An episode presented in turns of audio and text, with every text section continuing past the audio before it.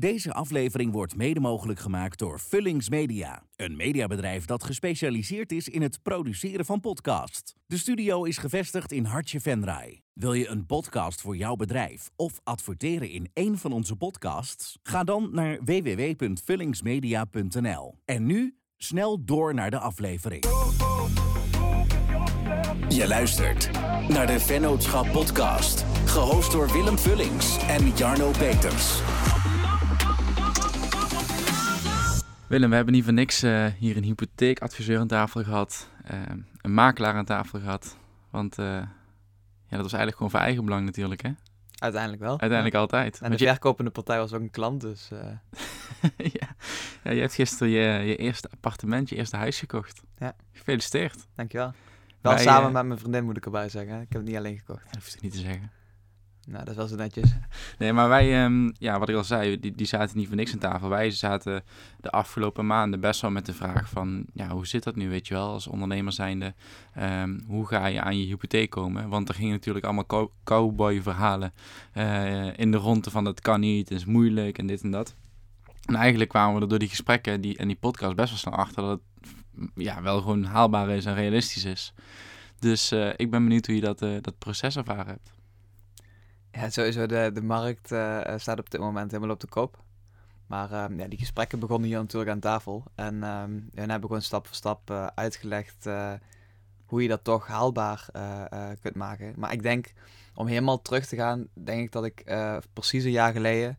eh, was, een beetje, was mijn doel, zeg maar, zo snel mogelijk eh, in ieder geval een huis of appartement kopen. Uiteindelijk werd dat ook echt een appartement, eh, want... eh, Ehm, ja, ik werk natuurlijk in het, eh, ehm, in het dorp, dus dat leek me gewoon perfect. Ehm, alleen het begon er eigenlijk bij dat, eh, dat ik met de boekhouder een doel op had gesteld van oké, dit moeten we eigenlijk gaan bereiken en hoeveel is daarvoor nodig? En eh, dus veel meer te gaan focussen op, op winst in plaats van op omzet. En om te gaan kijken van hoe kun je, ja, hoe kun je ervoor zorgen dat je dadelijk met een, serieus, met een serieuze balans of een serieuze resultaatrekening bij zo'n hypotheekverstrekker aan kunt komen. Ja, en dan nog, want dan heb je één jaar gewoon een, goede cijfers gedraaid. Ehm, maar dan komt het volgende van waar gaan ze zo'n hypotheek op baseren? Ehm, eigenlijk op het gemiddelde van de afgelopen drie jaar. En een prognose van dit jaar. Maar ja, omdat we al bijna op het eind van het jaar zitten, is dat niet echt meer een prognose. Dus dan krijg je eigenlijk een inkomensverklaring. En daarmee toon je aan dat je gewoon eh, dat je genoeg maakt om die hypotheek te, te kunnen terugbetalen. Ja. Oké, nice. Hey, en ehm, hoe, eh, wanneer is het eerste, het eerste balletje gaan, gaan rollen van dit appartement? Want het is een beetje bij toeval eh, op je pad gekomen, toch? Je was niet echt op zoek. Nee, ik was, niet, ik was eigenlijk helemaal niet op zoek. En eh, ehm, een klant, ja, ik had ergens wel een keer laten vallen van, hey, ik zou misschien wel in een appartement willen wonen. Gewoon echt Gewoon random. random, ja. En toen kreeg ik in één keer van. ehm, ehm,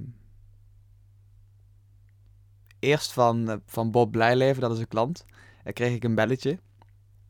hey, eh, was je op zoek naar een appartement? Want eh, Martijn, zijn compagnon destijds, eh, gaat zijn appartement verkopen. Ehm, ik zei, nou ja, ik zei, we kunnen altijd, kan altijd eens een keer gaan kijken, weet je wel. En toen, toen ja, zo afspraak gemaakt. En toen zei Martijn van ja, lijkt het je echt interessant en zo kunnen we dat serieus eh, ehm, rondmaken. En toen dacht ik van ja, oké, dan moet ik inderdaad wel even erachteraan. Maar eigenlijk tot, tot dusver, iedereen zit eh, met 30 man op een huis te kijken. En ik had eigenlijk zo de mogelijkheid om zomaar een, eh, eh, een appartement te kopen, zeg maar. En ehm, ja, dat ben ik toen, daar ben ik toen wat dieper in gaan duiken. Ja, en dat, en dat is wel mooi hoe het dan... want je zei van, ik heb met mijn administratiecoach een doel opgesteld om eigenlijk ervoor te zorgen dat ik, wanneer het moment er is, ook door kan pakken qua kopen. En ja, dan komt het ineens op je pad en dan kun je, hem, eh, dan kun je daadwerkelijk ook, eh, ook kopen meteen. Ja, want dat is eigenlijk waar alles op berekend wordt. Het wordt gewoon echt letterlijk gewoon op je bruto winst berekend. Dus als je in een jaar bijvoorbeeld zorgt dat je gewoon geen zakelijke spullen aanschaft, een heel klein voorbeeld, ja, dan kan je gewoon echt superveel meer hypotheek krijgen. Ja, want heb je... ehm, ik vind die wel interessant, want die rol van, eh van Astrid in dit geval is, is best wel groot geweest, gaf jij van de week ook aan. Want je wil je, winst maximaliseren en enerzijds kun je dan denken van ja, dan ga ik gewoon zoveel mogelijk omzet maken. Maar kijk eens naar je kosten. Heb je ook daar gewoon echt mega scherp op... Ben je daar ook mega scherp op geweest van... Oké, ik ga gewoon echt alleen echt noodzakelijke zakelijke aankopen doen? Ehm, ja, dat ook. Maar vooral ook van... Eerst was ik... ehm, eerst zag ik... ehm, een goed bedrijf bouwen meer met heel veel verkopen en ook heel veel uitbesteden en heel veel, weet je wel. En terwijl dat, dat gewoon mega veel geld kost. En onder de streep hou je dan gewoon niet super veel over. Dus nu was het doel echt voor dit jaar van oké, zelf gewoon veel werk gaan doen. En ehm, ook veel nee zeggen tegen bijvoorbeeld randzaken die bijvoorbeeld gewoon niet veel winst opleveren. Dus echt puur focussen op die winst even. Ja, en dan zie je gewoon dat het gewoon dat de winst gewoon keer vier ging. Terwijl dat de omzet eigenlijk ja, misschien maar een klein beetje omhoog ging of zo, weet je wel. Ja, of zelfs minder. Gewoon dat je met minder omzet meer over Ja. Ga je dan nu ook weer, eh, weer terug naar het oude? Ja, mooie vraag. nu die hypotheek binnen is? Nou ja, we hebben, je weet dat ik oh, eigenlijk op jouw advies eh, het boek The One Thing heb gelezen. Ja. Zit ik even helemaal in. Ehm, maar nee, ga ik zeker niet, zeker niet op terug. En zeker ook als ik hier om me heen kijk in het bedrijfsverzamelgebouw, dan heb ik steeds meer. ehm, ik vind het steeds vetter om, te, ja, om, om een succesvolle ZZP'er als voorbeeld te nemen. Want dat heb ik nooit zo gezien. In, die, in onze branche is het echt fantastisch om, eh, om te zien dat sommige ZZP'ers gewoon zo succesvol zijn in wat ze doen. En zo hun dagen afgekaderd hebben, weet je wel. Van wij gaan nu dan bijvoorbeeld morgens vaak eh, samen sporten. En dan eh, ehm, daarna even een paar uur, vier tot zes uur, echt goed aan het werk. Aan het belangrijke ding werken wat er voor jou te doet. En in de middag afspraken, belletjes, mailtjes. Ja, dat is gewoon de perfecte werkdag. Waardoor, wa- waardoor je gewoon elke dag gewoon eh, eh, rendabel en, eh, en waarde kunt leveren.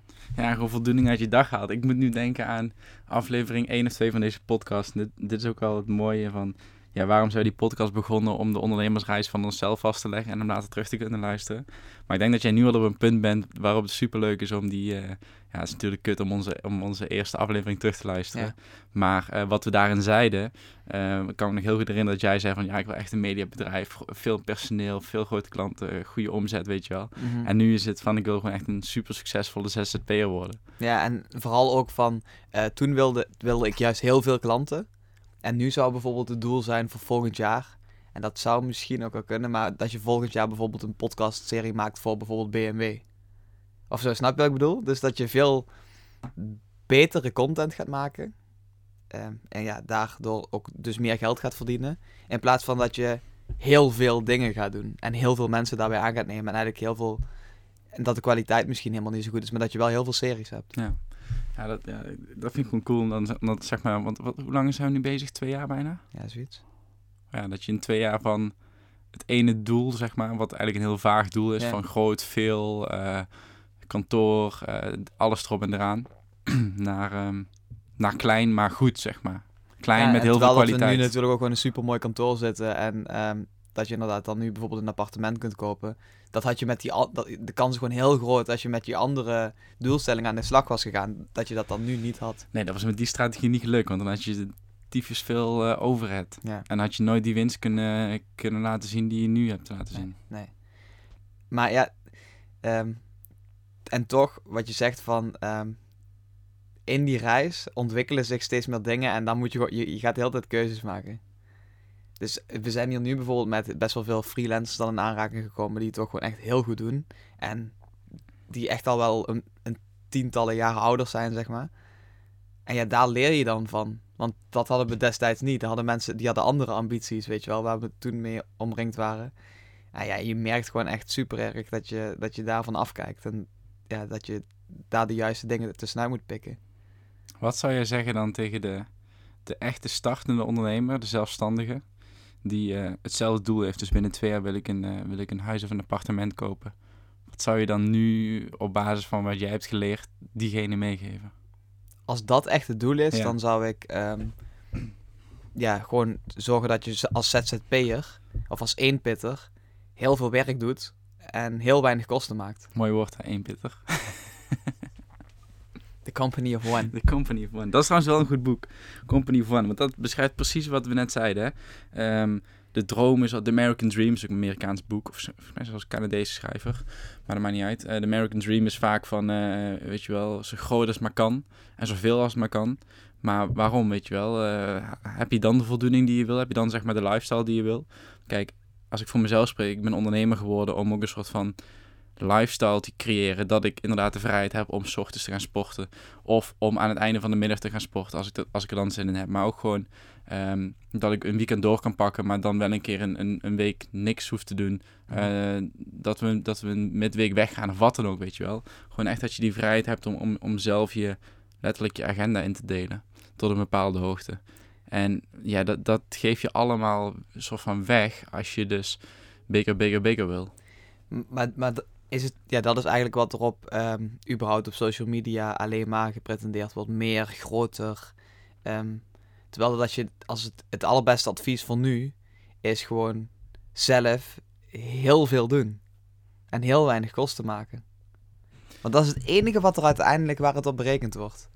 Snap je wat ik bedoel? Dus ja, voor, voor dit specifieke doel wel, ja. ja. Inderdaad. En, en tuurlijk, als jij een bedrijf wil bouwen en dat mag ook. Alleen mijn tip is dus van wil je dus eerst dat die hypotheek krijgen, dan is het belangrijk om daar focus aan te geven. Ja, ja want aan de andere kant idealiter, even los van of je nou een, een hypotheek in het vooruitzicht uh, hebt, um, wil je natuurlijk gewoon systemen en processen bouwen dat je niet zelf uh, uh, 24-7 in de business zit, mm -hmm. maar dat het wel doorloopt, maar dat de marges even goed goed blijven, weet je wel dat is zeg maar de volgende stap. Zo zie ik het een beetje. Van nu is het gewoon Mhm. volle, bak, eh, volle bak gewerkt om, om die winst te maximaliseren. En nu heb je dat doel bereikt. En natuurlijk moet je nu niet al die winst overhoop gaan gooien. Maar je kunt wel kijken van oké, hoe kan ik het nu slimmer maken en, en meer automatiseren als het kan. En hoe kan ik systemen inbouwen om even goed veel marge over te houden. Maar steeds minder in je business, steeds maar aan je business te, Ja. te hoeven werken. Ja, inderdaad. Wel dat, dat, dat, wij, dat ik persoonlijk ehm, misschien van tevoren al dat te, te snel wilde of zo, weet je wel. Want dat is heel lastig om veel winst te maken met een schaalbaar iets opbouwen. Want dat kost vaak heel veel tijd om...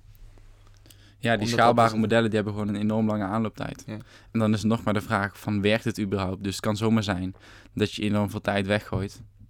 eh, wat nooit heeft gerendeerd. Het kan ook zijn dat het wel gaat renderen en dat je eh, ja, van geluk mag spreken. Of dat het gewoon een goed model is. Mhm. Mhm. Het is, wel, het is wel raar eigenlijk hoe dat, eh, hoe dat verandert in de loop van de tijd, hè? Ja, maar ja, dat is, dat is wat je net zei. Van die keuzes die je tussendoor maakt, de dingen die je leert.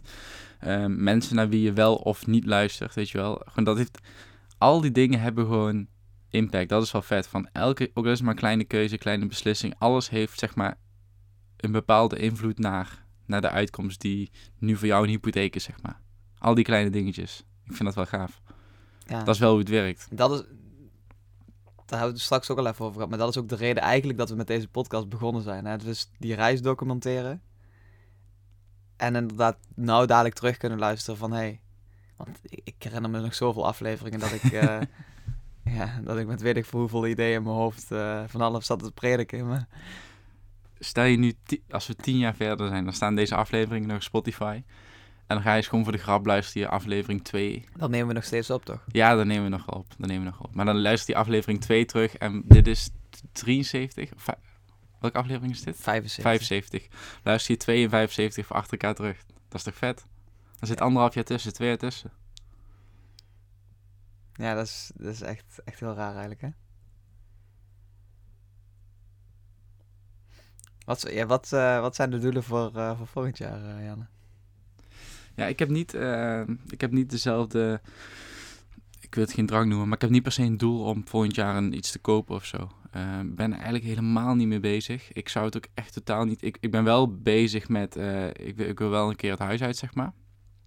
Ehm, maar dat hoeft absoluut geen koop te zijn. Dat mag echt. dat gaat waarschijnlijk ook gewoon huur zijn. Want ik weet gewoon niet. ehm, ik, ik, ik zeg maar. Ik zie mezelf niet de komende tien jaar per se hier in Venray wonen. Nee, dat dacht, dat dacht ik al.